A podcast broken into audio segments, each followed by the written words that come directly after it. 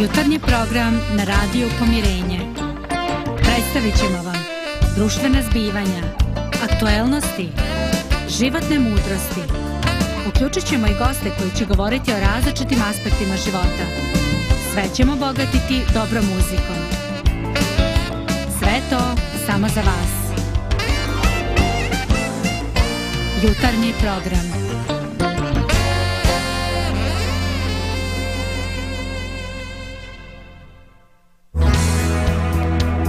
Šarenilo, čudesne boje u ljudima. Dragi naši, dobar dan. Dobrodošli u ovaj naš program i na naš radio, radio Pomirenje. Tu nije samo pomirenje između ljudi, nego pomirenje čovjeka sa samim sobom i sa, sa Bogom, naravno. A ovaj program Šarenilo govori u stvari o ne samo o različitim ljudima međusobno, nego o o onome što je u nama sve različito, o različitim tim bojama i nijansama i nekad se mi uplašimo od tih naših nijansi i ne želimo da ih pokažemo drugima. I šta se posle toga dešava? Hm, svašta. Kod djece kad se rodi taj osjećaj da smo da je dijete drugačije od svoje okoline, ja onda to bude iz raznih razloga. Neki su, da kažemo, opravdani, neki ne mada to je sve značajno ipak za dijete. Ali šta se poslije toga stvara i da li se to zadrži u životu, evo o tome ćemo danas pričati. Mi ponesemo iz djetinstva neke svoje zaključke da smo različiti od drugih zato što smo možda, ne znam, siromašni ili fizički drugačiji ili šta nam je još, da li je neko bez roditelja, svašta nam padne na pamet i onda mislimo samo sam ja takav ili takva, a drugi su, onda to djeti misli baš tu riječ, drugi su normalni, a ja sam, eto, čudan, drugačiji. I onda kad se odrasta, nešto se od toga prevaziđe, ali čovjek nekad to ponese i u odrasle godine. Da li, da li se može to inače prevazići? Ovo je sad vrijeme u kome tražimo ovaj odgovor, u stvari mi smo tu da nešto i ponudimo, a vi razmislite o tome što čujete u ovom programu. Jer u svakom od nas se javlja to pitanje kako, kako da izdržim da budem drugačiji od svoje okoline. I to je, to je ono što nas uznemirava. Kako da imam kičmu kako da da u svoj, toj svojoj okolini uh, u toj masi koja oko mene ima svoje mišljenja kako da ja pokažem svoje mišljenje? Kako da ja pokažem svoje ponašanje koje je drugačije od te okoline? Uh, to nije samo problem za pojedinca nego i za grupe ljudi. Ne znam koliko ste vi razmišljali o tome ali ja vjerujem da, da u svakom čovjeku ima nešto čega se on plaši da pokaže. To ne mora biti nešto loše, može biti nešto dobro, ali neće da pokaže u svojoj okolini zato što misli da će se razlikovati. Eto, to je taj razlog, e, razlikovat se bez obzira što je ovo nešto dobro. Društvo, šta vi mislite o, o ovoj temu uopšte inače u našem vremenu? Da li sebe možda pronalazite u tome? Hm. Ma tema je, tema je baš zanimljiva, sigurno da se svi pronalazimo u tome. Ja sam, kad sam bio dijete, bio sam iskompleksiran što sam mršav. Pa sam onda nosio tri duksa ovaj, u školu da izgledam deblji. Ovaj, a bilo i drugih stvari u kojima sam bio različit. Na primjer, u to komunističko vrijeme ja sam išao u školu, Tito pionir i tako dalje, moj roditelj su bili religiozni. Išli su u crk, u crku. I sad ja nisam želio, i svi su znali u mom razredu, znači da ja isto idem u crkvu, i ja sam bio drugačiji u tome, a onda sam ja, ja nisam želio da budem drugačiji, onda sam se ja trudio da budem najgori od sve djece, ja sam lupo prozore, ja sam radio takve gluposti samo da oni vide da ja nisam neki crkvenjak. Eto, zanimljivo. Joj, dobar si.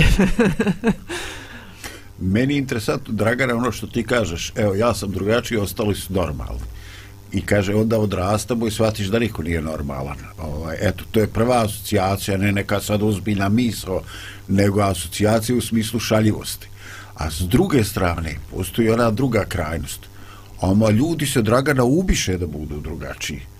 Ono, razumijete, da imaju patike koje niko nema, da nabave neki duks koji niko nema, to je to prisutno u nekom modi neka, znači pokušaj da se bude originalan, pa po cijenu i ovaj, e, pa i po cijenu ovaj, e, gluposti. No, eto, mene Boždar sve više, više šokira, izgleda smo mi njega upoznali u pravo vrijeme, ovaj, jer da smo ga upoznali ranije, dok se još obračunavao s prozorima, ko zna kako bismo mišljeni imali o njemu. ja. Možda smo bili bolji prijatelji nego sada. to moguće. Ali to je, to je stvarno, o, mi pričat ćemo mi o, i o tom ranijem dobu, znači o djetinstvu i tim problemima, ali to, kad, kad se djete optereti, znači time, to je nešto, ne znam, ja sam isto imala razne komplekse i ono, znaš, sad, šta, koji da nabrojim? I ono, kad slušam svoje prijateljice isto, znači, one, ono, znači, ali neke stidljivo kažu, neke, neki skrivaju nešto ili, ili dječaci ili bilo ko, znači, to je u tom dobu dok, dok ne pređeš, to, to je tragedija. To mi zovemo tako, znači, to je za nas planina. Da. Ali ovo, znači, kad, kad si odrastao, šta s tim? Ovo, znači, to što, što Zdravko kaže, znači, on sad ovo upoređuje, znači, ovo modernije vrijeme, A možda ranije nije bilo tako prije 30-40 godina, ali mi recimo gledamo iz ovog aspekta. Upravo da. Ovaj, kaži. Ovaj, pa upravo su, ovaj, mislim da je, da je ranije češći problem, mislim češći, da je akcenat bio ranije na tome da ne treba čovjek previše da strači. Evo, skoro sam se ovako baš nasmijao, ovaj, stavili su nekoga čiču, i ovaj i kažu ovaj e, ranije kaže dok nije bilo Facebooka kad si blesav samo je tvoja familija to znala ko što se znao čitav komšiluki šire. Dakle ovaj živimo u nekom vremenu ovaj gde, gde su gde su stvari ovaj baš onako transparentne gde se mi e, pokazujemo šta jesmo ili ili se još gore pokazujemo onim šta nismo. Ali ne da mislim pa sad osjećam već malo krivicu prema tebi da odlačim od, od tvoje osnovne teme ovaj e, to je definitivno da sve ti ovaj sve definitivno je to problem i u nekom vremenu djetinjstva ovaj kad e, odrastamo i kad dobijamo ta neke e, sekular bože sekularno dobijamo neka sekundarna obilježja našeg pola da smo da smo muškog da smo ženskog roda onda ovaj e, onda puno je toga povezano s našim vanjskim izgledom ovaj, e, djevojčice gledaju da li se jednako brzo razvijaju kao njihove koleginice. Mi muškarci imamo jedan problem ovaj, u adolescenciji kad nam naglo naraste nos, uši, a ruke se produže u odnosu na, na čitavu figuru. I onda postajemo šlampavi, ne uvodamo normalno i tako. Dakle, e, baš je čovjek osjetljiv baš je osjetljiv i baš je sasvim moguće da u tom vremenu doživi neke komplekse i traume koji će možda i kasnije kad sve bude u redu da će on još uvijek misliti ej ja sam li ja? Mislim ono, ja sam li ja ružan ili ružna privlačan drugima ili ne? Znači kad više ne bude nikakvog razloga za takva pitanja moguće da i čovjek još uvijek nosi. No, to svakako sad ovdje, ovdje ovo što ćemo mi razgovarati te, mm, ono, u suštini toga je znači da li ja imam hrabrosti e, kao odrastao čovjek recimo odrastao čovjek ali to je naj pošto, pošto odrasli nekako imaju više i odgovornosti znači što se tiče čovječanstva i svoje okoline i sebe um, da li ja mogu izdržati to? Kako se izgradila moja kičma ta pod navodnicima kičma uh, da li, da li ja mogu da, da se borim za neke stvari e, bez obzira na svoju okolinu, da li mogu da ja stojim ako ostali kleknu ili ne znam nija šta, ako oni imaju, kažem, drugačije mišljenje od mene, bez obzira kakve će biti posljedice za mene. I, da, treba li to raditi? U principu, kome, eh, kome pomažeš?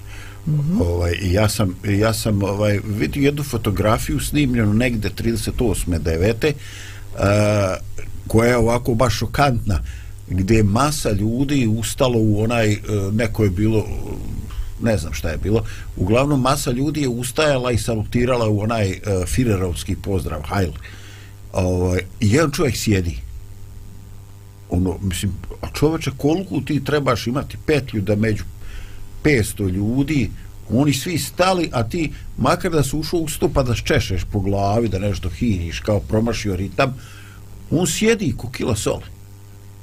Možeš misliti koliko je taj čovjek nepodkupljiv, ko, mislim, ja ne znam šta da mislim.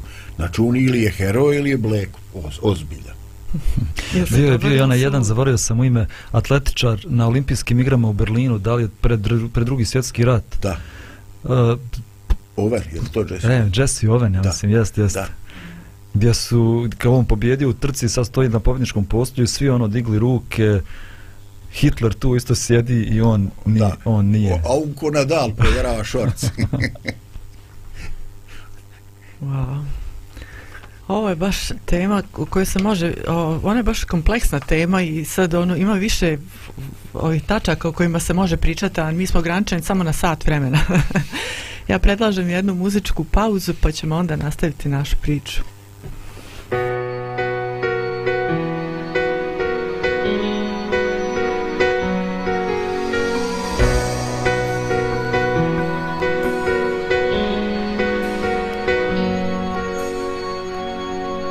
Ko sam ja da gospodar svemira moje ime znam i bol moj osjećam Ko sam ja da zvezda jutarnja osvetljava moj put i prepreke uklanja. Ne zbog toga ko sam ja već zbog toga što činiš ti. Ne zbog mojih uspeha Bez zbog toga ko si ti. Ja sam cvećna bez ovene Danas tu, a sutra ne. Talas kojeg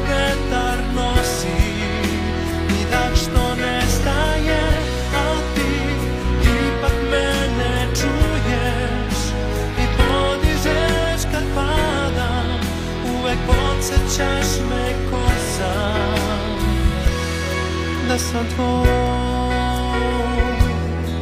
Ja sam tvoj. Ko sam ja Da me gledaš ljubavlju ako padnem da si tu I hrabriš da ustane Ko sam ja Da ti što mora smiruješ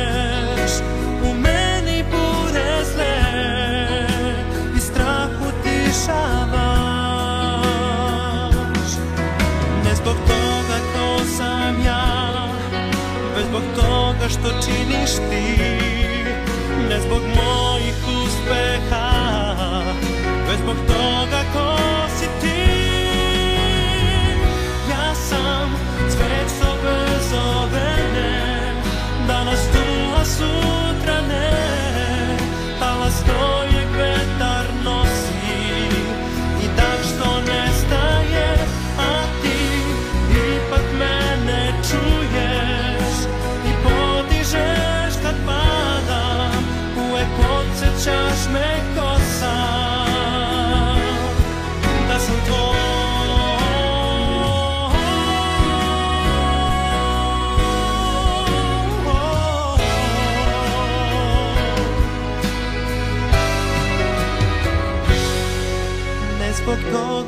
sam ja Već zbog toga što činiš ti.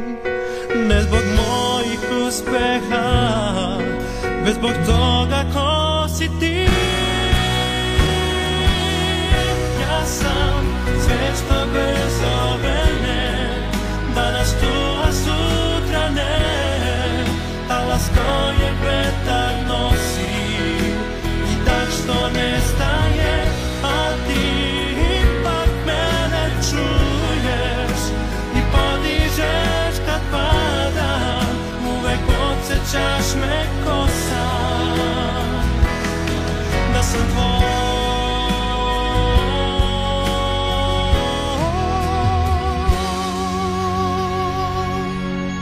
Tvoj Ja sam tvoj Ja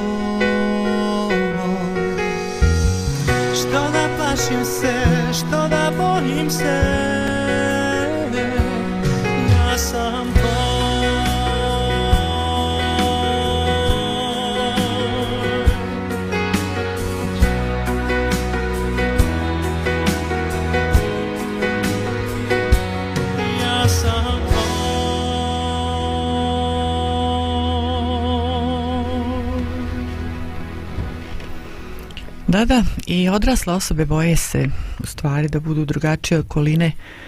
Meni je, kako sam, da kažem pod navodnicima, sakupljala godine, kako sam prolazila kroz život, bilo lakše nego recimo u nekim tinejdžerskim danima. To je, ja mislim svako da će to uh, otkriti u sebi. Ali kada sam ušla u 40. osjećala sam se kao da sam prošla kroz neka vrata ili tako da kažem. Neko olakšanje sam još više osjetila. Uh, ona, ona mladost je zvanično ostala iza mene.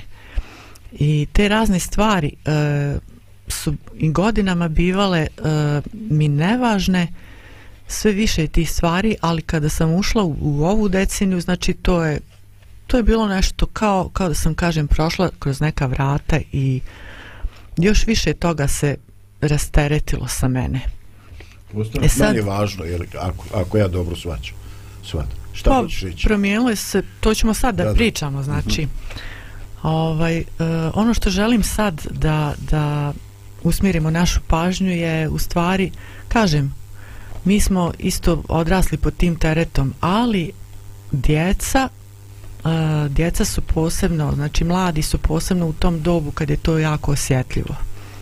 Voljela bi ako se vi slažete, ako imate šta reći, znači da, da pričamo i o tome, znači da se dotaknemo tog dječjeg straha, straha djece i, i tinejdžera i adolescenata od toga da su, da su oni drugačiji ili misle bar da su drugačiji, ali svejedno šta vi mislite e, kako oni reaguju na, na, na to što su drugačiji?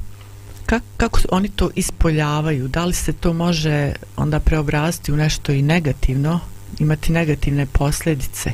Naravno ako mislite da, to mo, da se to može i ublažiti i riješiti i to izneste slobodno. Da, kad su tinejdžeri u pitanju, to je jedna, baš onako jedna posebna tema, gde s jedne strane mi, mi kao tinejdžeri, mislim, mi kad smo bili tinejdžeri i sad recimo evo ja imam tinejdžerku u kući, um, gde mi želimo da budemo deo grupe. Mislim, ne razlikuje se puno ni od odraslog doba, iskreno, ali čini mi se u, tim dobu, u tom dobu se nekako pronalazimo. Znači, ne želiš da budeš drugačija, zato što se bojiš kako će okolina da odreaguje, da će te prihvatiti. Znači sve, sve polazi iz tog nekog unutrašnjeg osjećaja i želje da pripadaš, da budeš deo um, grupe, okoline. Uglavnom je to vezano za školu i za, za te neke stvari. A onda vidiš, recimo roditelji ti uče nekim stvarima, a onda odeš u školu pa vidiš drugačije i ti onda kako da se uklopiš, a znaš da to nije dobro, recimo neka vrsta ponašanja ili recimo psovke. Ja sam recimo s tim isto imala problem u školi. A, odem u školu, znači deca psuju. A roditelji me uče da to ne treba da radim. I onda, znaš, odeš tamo i, i u glavi ti, a, čekaj, a neću da, ne želim. Jer to što ti slušaš, stalno se pod im uticajem. Pa onda izgled, znači to je posebno još, izgled hoćeš da budeš kao i svi ostali. Zašto? Pa zato što ako si drugačiji, onda te gledaju. Ja se sećam da u, u svakom razredu bude tako dvoje, troje dece koje su onako, kako bih rekla, onako malo povučenije, drugačije se oblače od ostalih, drugačiji su. Mm, mislim, svi se mi razlikujemo, malo, ta su nekako baš drugačija onako deca i uvijek ih nekako izbjegavaju. Niko neće nekako s njima baš da se druži. I to je u tineđerskom dobu posebno ovaj, teško, jako, jako teško. Tako da, to je neki period eto, kroz koji prođemo, znači želiš da budeš deo, ali opet se bojiš strah od, od prihvatanja. Tako da, nije lako, nije lako, ali to smo svi prošli. Da, da, da, super, super. Ok, a mogu sad da vas pitam, kako u tome svijetu posmatrate nekadašnju praksu da smo imali one uniforme, kecelje u školi, da smo jednostavno bili one plave kakve su već bile. Kako sad iz ove perspektive gledate koji je bio smisao toga? Pa vidi, i dan danas privatne škole, neke privatne škole, kod nas ne, ali neke privatne škole uh, imaju, imaju uniformu. I po meni to je dobro. Ja lično mislim da je to dobro rješenje.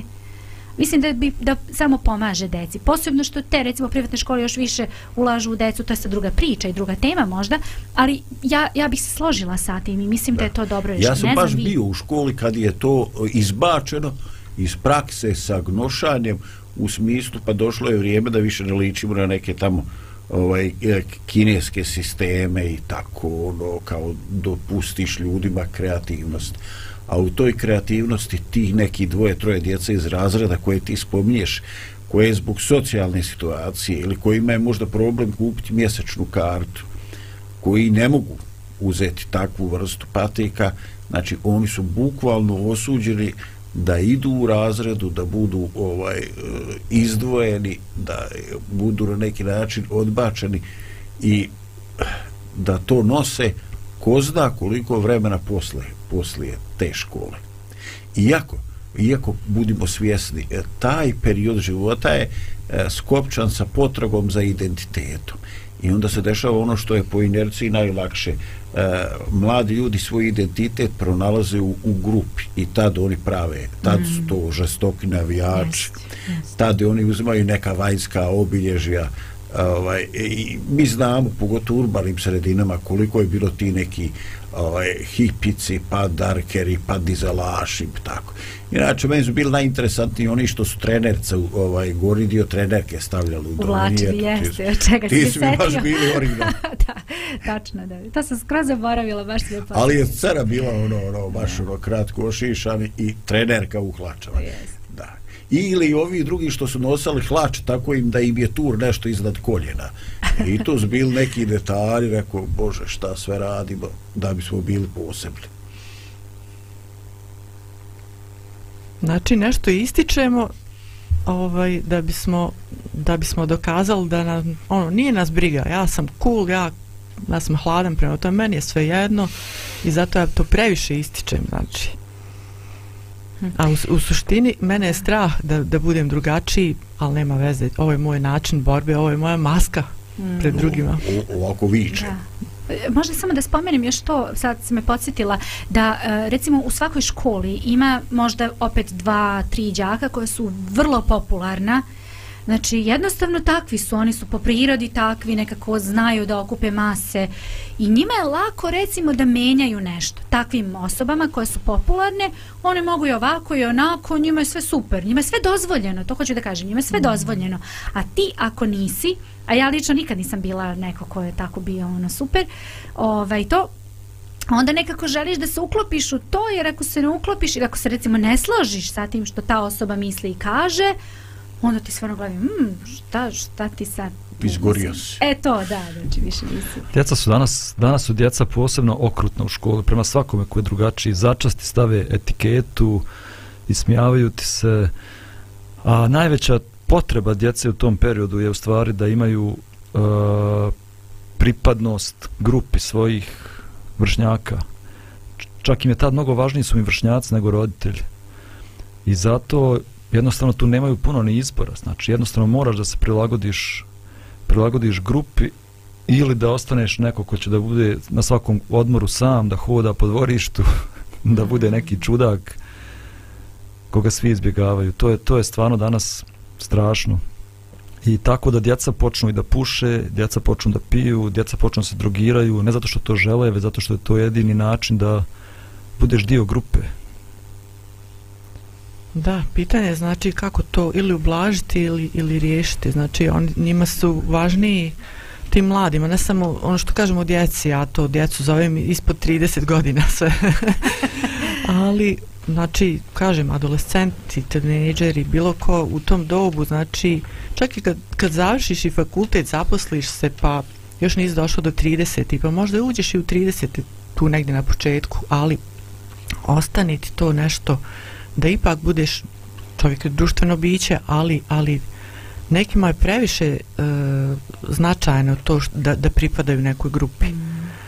Da. I onda, onda dolazi do negativnih posljedica i onda kako, kako pomoći tim ljudima. Da, e, razmišljam sad dok ti govoriš nekako kako ja to vidim. E, znači, nekako do neke, to je iz mog iskustva, a um, do 20. godine nekako tinejdžeri baš silno žele da, da se utope u masu. A onda od 20. do negde 30. godina, e, recimo, završiš fakultet, ajde, možda si se oženio, udala, i to, i sad, u tom periodu imaš silnu želju, recimo na poslovnom planu, da, da udovoljiš.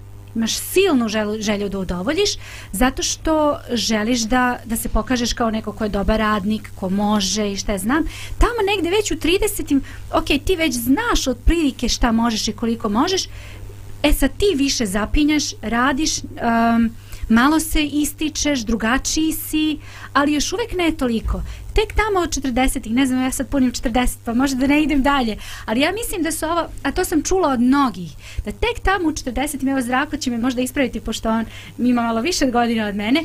Pa ove, nešto malo više, da. Nešto malo više. Da. Od 40 nekako počinješ onako više da, da, um, da si sam svoj, Znači, znaš šta želiš, znaš šta hoćeš i tako dalje. Ali te prve godine su uh, jako bitne i mislim da, um, ne znam koliko ćemo dati neko rješenje, ali mislim da je na nama roditeljima ključna uloga. Naravno na nastavnicima, profesorima, ljudima koji rade sa tom decom. Čini mi se da bi na tome trebalo više raditi, znači da oni pomognu tim tinejdžerima, da im ne bude posao samo posao, nego da stvarno se uključe u, u, u sve aspekte njihovog nekog razvitka, ali ako, ako to mi ne možemo možda uticati mi kao pojedinci, ali mislim da mi roditelji igramo važnu ulogu, mi trebamo razumeti svoju decu, mi trebamo da ih zagrlimo, da im pomognemo da se izbore. Mm, hvala puno. Ovo, sad ćemo da pravimo jednu muzičku pauzicu. Kažu da je s pjesmom put ljepši, pa da vidimo da li je to tačno.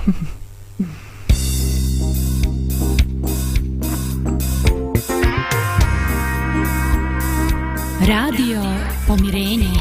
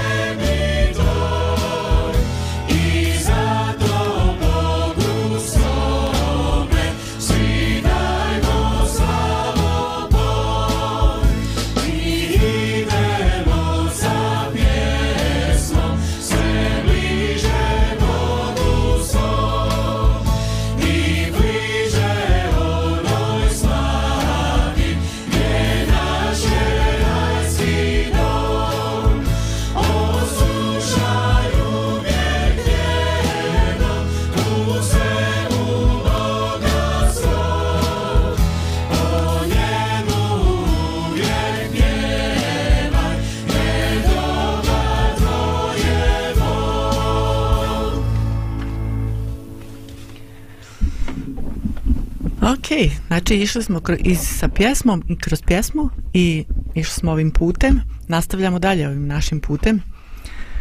Uh, jeste da me tehnika malo zeza ovdje, ali evo, nastavljamo dalje. Znači, pričali smo do sad o pojedincima koji imaju probleme, znači, bez obzira u kojim su godinama, e, kako, kako da imaju kičmu kad je njihova okolina drugačija. Kako, ohrabriti sebe, da li sebi priznati da sam kukavica ili stvarno mogu naći tu neku snagu da nastavim dalje, da se ne slomim. A šta je sa recimo grupama uh, koje su okružene drugačijim grupama, da kažem tako. Jeste da je svaka grupa sačinjena od pojedinca i onda tu leži taj ključ, ali vrijedi spomenuti i ovo znači uh, pogotovo kad su u pitanju neke e, rasne e, grupe odnosno pripadnost nekoj rasnoj grupi da li nacional, e, nacionalnoj e, neka druga grupa koja se ob, koja ima drugo znači e, obilježe neku drugu osobinu. E, Zdravko je već spominjao znači i tu inklinaciju znači da li spolna ili, ili na neki drugi način ili bilo koja grupa ljudi koja ima probleme sa e, većinom drugih grupa koja i čini im se da su drugačiji, da su drugi možda protiv njih. Mi imamo, nažalost, negativno iskustvo i na našim prostorima ovdje. E,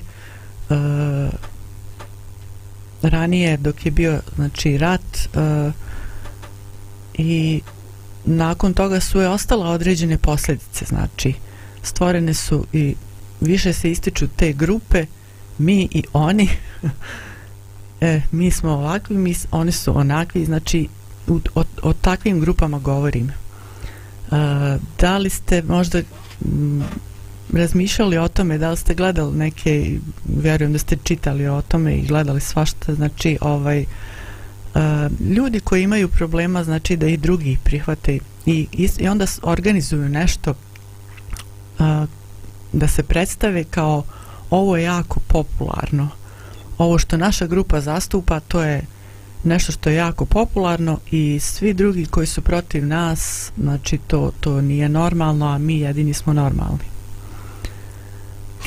Ako sam ja dobro shvatio mi imamo ovaj, eh, dakle imamo dva problema koje ja prepoznajem u tvojim riječima i koja ste to tako ovaj, meku uvela u igru i jedan je e, kad većina je netolerantna prema različitosti i prema nekoj manjini koja tu postoji i onda stvarno ovaj postoje mnoge akcije gdje treba povećati svijest o postojanju, šta znam. Pa imali smo jedan period kad se po našim gradovima uh, uklanjane su ove arhitektonske uh, barijere da bi ljudi koji su kulicima, koji imaju sa štakama, koji su invalidni, mogli da obavljaju neke osnovne funkcije, šta znam, da izađu iz iz sredstva javnog prevoza da odu u prodavnicu da, da jednostavno savladaju te neke prepreke ovaj trotoara i tako. Ovaj i to je nešto što je super dakle svijest da postoje ljudi koji svoj život žive sa određenim limitima i da jednostavno stvari trebaju biti prilagođeni i njima s druge strane ovaj eh, ono što vidimo u zadnjih godina ili makar ja prepoznajem eh, zahvaljujući godinama koji sam, kako ti to gaš, Dragana nakupila, eh, Lidija nakupila, ovaj, nisam ja to skupljio, to je došlo sama. A to je eh, da pod firmom zaštite nekih manjinskih prava mi praktično dolazimo u situaciju ovaj, da se nameće e, neki manjinski teror što u krajnjem slučaju nikako na dužu stazu ne poboljšava, e, ne poboljšava situaciju. Da, osjetljivost i svijest da postoje drugačiji, da postoje manjinski i uvažavanje nekih njihovih specifičnih potreba. Ali s druge strane to nikada ne bi trebalo e, ići tako daleko da se ovaj zbog nekoga mišljenja većina treba odreći svojih stavova prema životu. Evo jutro čitam ovako jednu vijest ovaj, e, postoje e, prijedlozi u jednoj protestantskoj crkvi da se tekst molitve oče naš izmijeni, da se izbaci ono oče, jer to nije rodno ovaj e, neutralno. Eto, nije dobro da vam kažem kakva je bila moja reakcija, e, iako je nisam glasno izgovorio. Dakle, e, e, stvar je osjetljiva i zaista treba puno mudrosti da se svijet organizuje i da se definišu ti odnosi da se ljudi ne osjećaju loše ali da i ne budu agresivni ni u kom situaciji. Da, nama, nama definitivno fali tolerancije prema onima koji su drugačiji, ali evo ja iz svog iskustva bih volio da, da pričam, razlika među toga biti čudan i biti drugačiji. Bravo. ovaj, um, pričam sad o svom nekom vjerskom iskustvu, odrastanju i tako dalje. Mi smo tako bili u jednoj zajednici koja je bila drugačija od ostalih Ali ja nisam nikad volio te granice između nas i drugih. Zato što te granice su po meni bile, o to što nas je razdvajalo od drugih, je bilo nešto čudno. Na primjer, moja supruga kad je odrastala, nije smjela da nosi hlače, već je morala da nosi suknju. Čak i kad je bila temperatura minus 10, ona nije mogla da obuče hlače, nego je morala da nosi suknju. Sa takvih situacija bi mogo da napravim mnogo. U nekim drugim religijama, ne znam, može da nosi samo kratke hlače, ne može da nosi dugačke hlače, ili ovi mori da nose brade, ili ovi ne mori da nose brade, ili ne znam nija. E, religija nađe neke graničnike po čemu se mi razlikujemo od drugih i onda ti graničnici koji su u stvari sporedne neke stvari, možda i nevažne stvari, postanu glavne stvari i po tome smo mi, po tome se razlikujemo od drugih i to nas to nas čini pravim vjernicima, tako da kažem, ako se pridržavaš tih, tih pravila. U stvari, to je blesavost, to je, to je čudno. A, mi treba da budemo drugačiji. Bog nas poziva da budemo drugačiji u odnosu na ovu pokvarenu kulturu u kojoj živimo i društvo u kome živimo, tako što ćemo da budemo najbolji mogući ljudi, tako što ćemo da budemo drugačiji kad svi varaju da mi budemo pošteni, kad, e, kad svi lažu da mi govorimo istinu, da mi budemo ljudi koji imaju više ljubavi, više dobrote, više želje da oproste, da služe, u tome bi trebalo da budemo drugačiji. Ja ću ponosno da budem drugačiji za takve stvari, ali neću baš da budem ponosan na to što ne znam šta oblačim ili šta jedem ili kakve cipele nosim ili ako mi je to postala moja religija i potom sam drugačiji od drugih. E, baš mi je drago što spomenuo ovo ponos, razumiješ, e, o tome smo i govorili, znači to previše isticanje nečega što, što možda i ni sam nisi prihvatio kao nešto, kao da je dio tebe skroz ili ne želiš da da pokažeš to togu, ali, ali ta, to preveliko isticanje nečega uh, i što kažeš, ja, upućujući tu poruku, ja sam ponosan baš na to, to nam govori nešto sasvim suprotno od te poruke što ta osoba želi ili ta grupa želi da, da pokaže. Da li još imate neke misli ovdje? Ako nemate, da nastavimo sa, sa pjesmicom, a? Sviđa mi se ovo što je Božo ovaj, u, u, uspio ovako fino diferencirati. Ovaj, eh, dakle, eh, eto, ovaj, zaista, je, zaista je veličanstveno ustraj na nečemu što, što te čini čovjek, što je univerzalna ljudska vrijednost. A ako ustrajavaš na nekom obilježju koje je nastalo u nekoj drugoj geografskoj sredini, u drugoj možda klimi, i ti to ovaj primjenjuješ negdje ovaj gdje je to stvarno neprimjereno onda je ovaj očito da gubiš smisao vjerovatno suštinski smisao i u religiji kojoj pripadaš. Vjerovatno si i tu zglajzao. Um, ja ću spomenuti ne znam koliko će sad biti off topic ali mi je palo na pamet i mislim da je vredno da se spomene da danas nekako u, u naše vrijeme uh, u ovom svetu gdje možemo toliko toga da pokrijemo i sakrijemo jer nam mediji e, i društvene mreže to omogućavaju. E, s druge strane, nevjerovatno je koliko ljudi danas pokušavaju da budu svoji i, i originalni i da se vrate na ono realno kao što jeste. Pa onda vi imate silne te, ne znam, hoćemo i to kasnije možda u priči spomenuti, ali imamo one silne filtere, znači koje ljudi koriste i ti sad gledaš osobu, misliš ona stvarno tako izgleda, ti misliš sve to stvarno onako kao što, A ta osoba u tebi predstavlja samo ono što ona želi da ti vidiš. A u realnosti to je nešto sasvim drugo. Pa onda imaš danas jako puno ljudi koji, ne znam, snimaju na TikToku, na Reelsu, na, na, na svakakvim tim ovaj, sa stvarima, um, realnu sliku o sebi. Pa onda pokažu, ok, vi ovo želite da vidite, ali ovo je realnost. Pa onda vi mislite ovo je, ali je ovo realnost. I onda imate tako te situacije, neke realne, gdje ljudi ovaj, pokazuju kako stvarno jeste kad dođeš kući, ono kao sve treba da je super, sjajno. Međutim, realnost je kad dođeš kući da je situacija takva, takva i takva. Da. I mi se nekako A muž bacio da... čarape u, u, u, u kući. Da, da.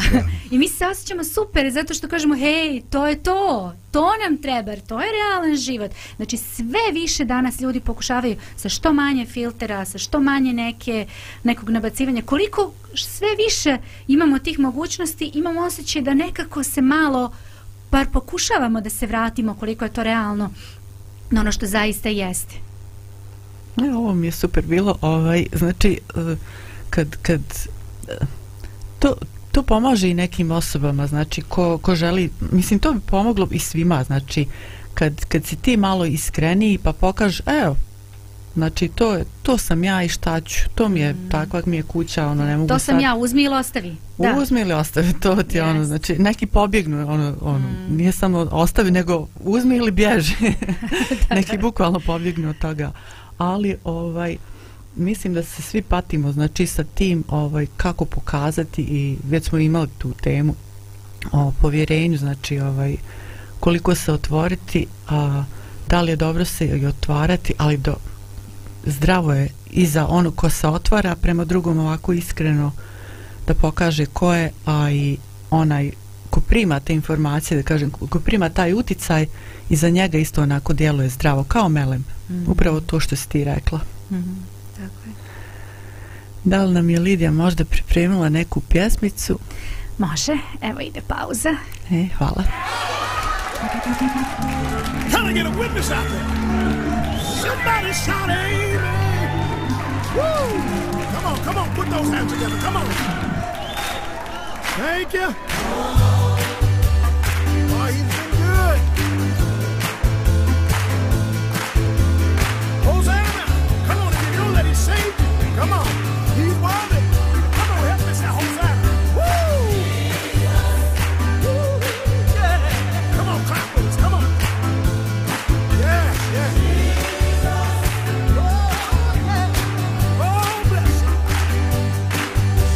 Glazba je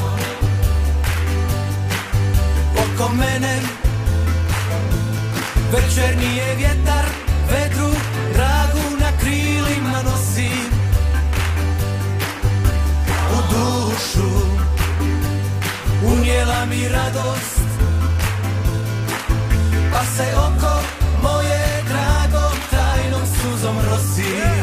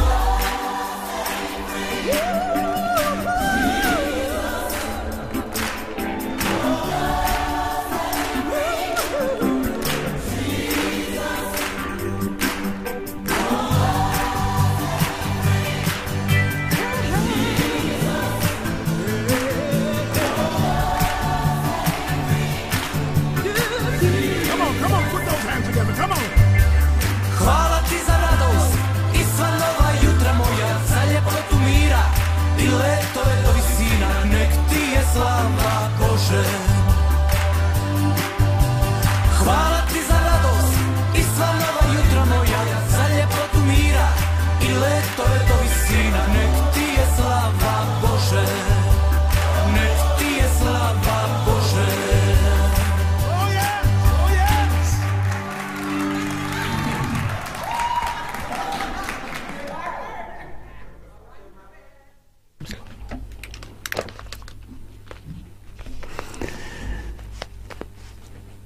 nas ponovo u ovoj emisiji i sad nastavljamo opet da pričamo o nekim ljudima koji su drugačiji.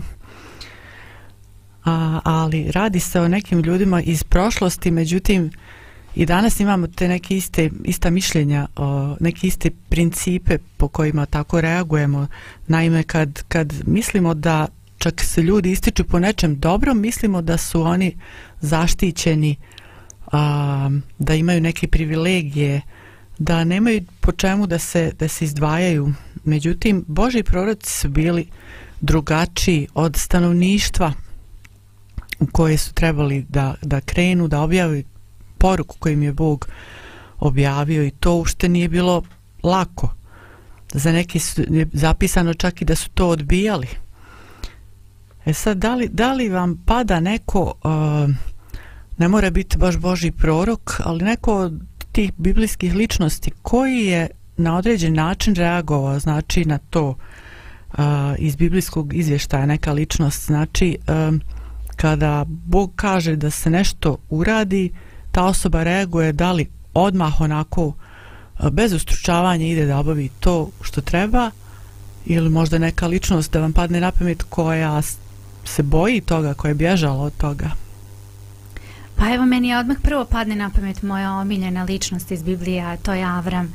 Znači, e, njegova priča je meni fascinantna zato što um, njega je Bog pozvao i rekao idemo, ja ću od tebe načiniti veliki narod, imam za tebe neki plan poseban, on njemu to kaže, a on, um, on prepoznaje da je to nešto što treba da uradi, ali s druge strane, um, otići od svog doma i svoje porodice tada u to vrijeme i u okolnostima u kojima je on živeo je značilo znači ideš bukvalno da propadneš. Od tebe neće biti ništa zato što je njima porodica, zajednica imanje koje su imali, uglavnom su stoku čuvali je bilo najbitnije da, da budu zajedno, znači to je bila suština da ostanu zajedno kao grupa brane, brane se od neprijatelja, brane se od svega, a njemu Bog kaže ne ideš, hoću nešto posebno sa tobom, imam neki poseban plan. I on je jasno to prepoznao i krenuo. Bez obzira što će biti drugačiji od okoline? Bio je drugi, bi, drugi, bio je drugačiji, ali dobro, imao je podršku, ovaj, piše da je otac mm. podržao ga i tako, to je što je mhm. jako bitno, jako važno. Um, naravno i supruga je krenula s njim i naravno imanja i sve ono što je on imao ljude sa kojima je radio sređivo, ali je sam taj korak onako izgleda nama zvuči da ok, on je krenuo, Bog mu je rekao i mi znamo šta se desilo, kad se ti nađeš u toj situaciji, to je stvarno nešto fascinantno. Hmm.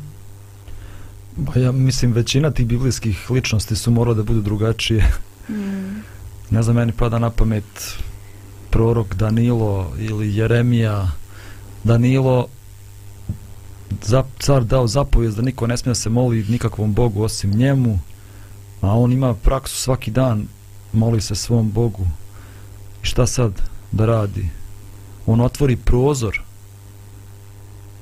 ne boji se i svaki dan radi ono što je uvijek radio i bez obzira na smrtnu opasnost on radi ono što radi a stoji za ono što vjeruje i na kraju priča govori da je morao da je za malo i platio životom bačen u lavovsku jamu zbog toga. Ali eto taj Bog kome se on molio i bio mu vjeran čak i po cijenu smrti ga je sačuvao. Pa ne znam drugi prorok Jeremija Bog mu kaže idi reci caru i narodu da će doći vavilonska vojska i da će vas odvesti u ropstvo i da ne trebate da se borite nego da prihvatite to i da odete u ropstvo. I on to uradi i oni ga stave u tamnicu, tuku ga kažu nisi ti Boži prorok. Ne ne neće Bog to učiniti tako što si ti rekao. Pa onda cijela njegova knjiga o tome govori. On stavi drveni jaram na sebe i dođe tako i kaže ovako ćete vi nositi jaram. Oni mu polome taj jaram koji je nosio, pa on stavi gvozdeni jaram. Bio je jedan naprema nasuprot svih drugih koji su govorili drugačije. Svi drugi sveštenici, proroci govore drugačije, a on stoji za nešto što nije dobra vijest.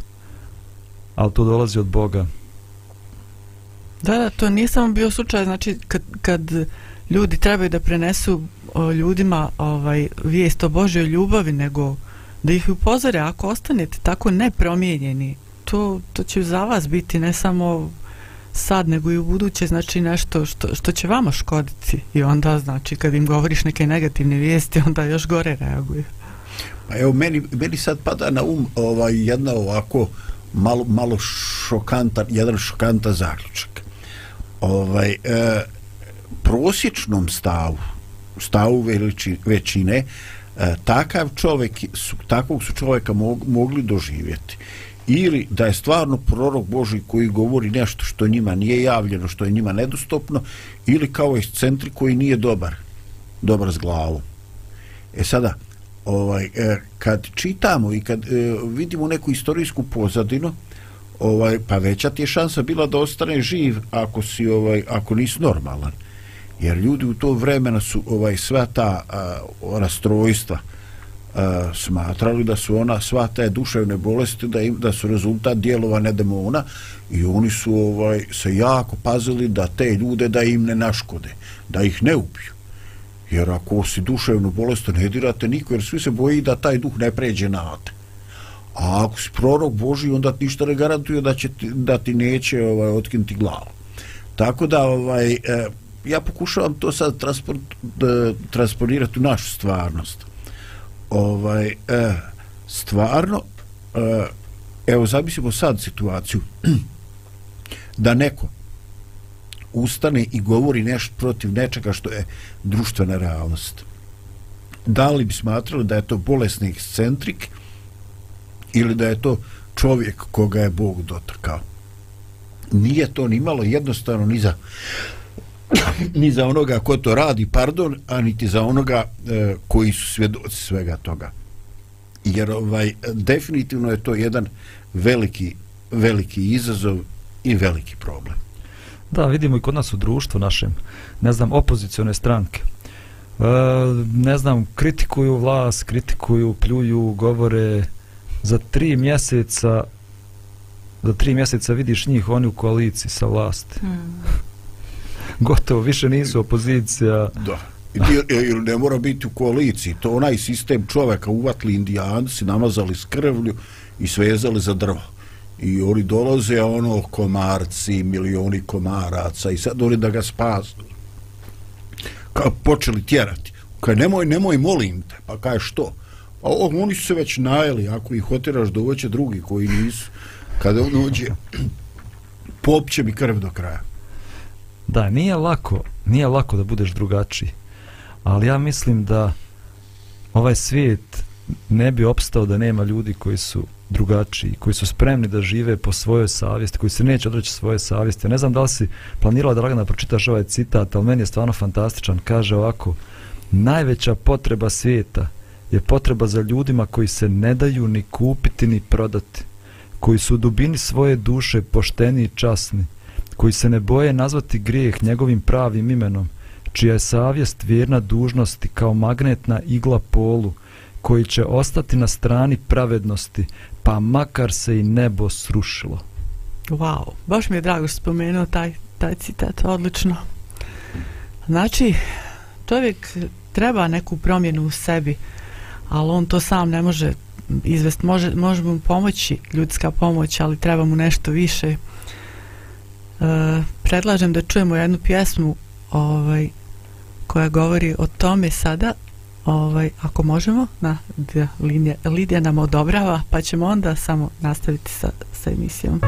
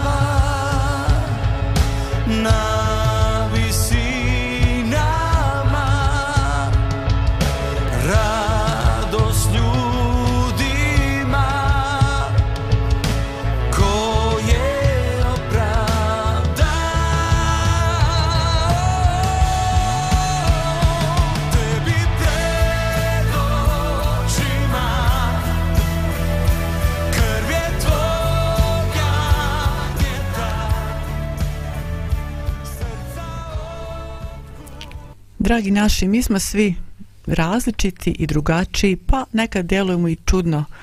Različiti smo zato što živimo na ovoj planeti, različiti smo od ostatka svemira. Ali oni ne gledaju sa osudom na nas ovakve drugačije. Ali bez obzira na to uh, ima šanse da se popravimo jer i obećano nam i pozvani smo na to da jednostavno dođemo kod onog ko može da nas popravi, kod onog koji nas je stvorio. I željela bih nešto da vam pročitam. Uh, Apostol Jovan je zapisao nešto što gradi zapravo jedan od temelja čitavog svemira. Jedan dio toga je, on, tog temelja je um, ljubav prema Bogu. A ovo što je Jovan zapisao su Isusovi riječi i radi se o nečem i sličnom mogu reći. Novu vam zapovijest dajem, da volite jedan drugoga, kao što ja vas volje, da se i vi međusobno volite. Dragi naši, slušat ćemo se uskoro, nadam se, prijatno.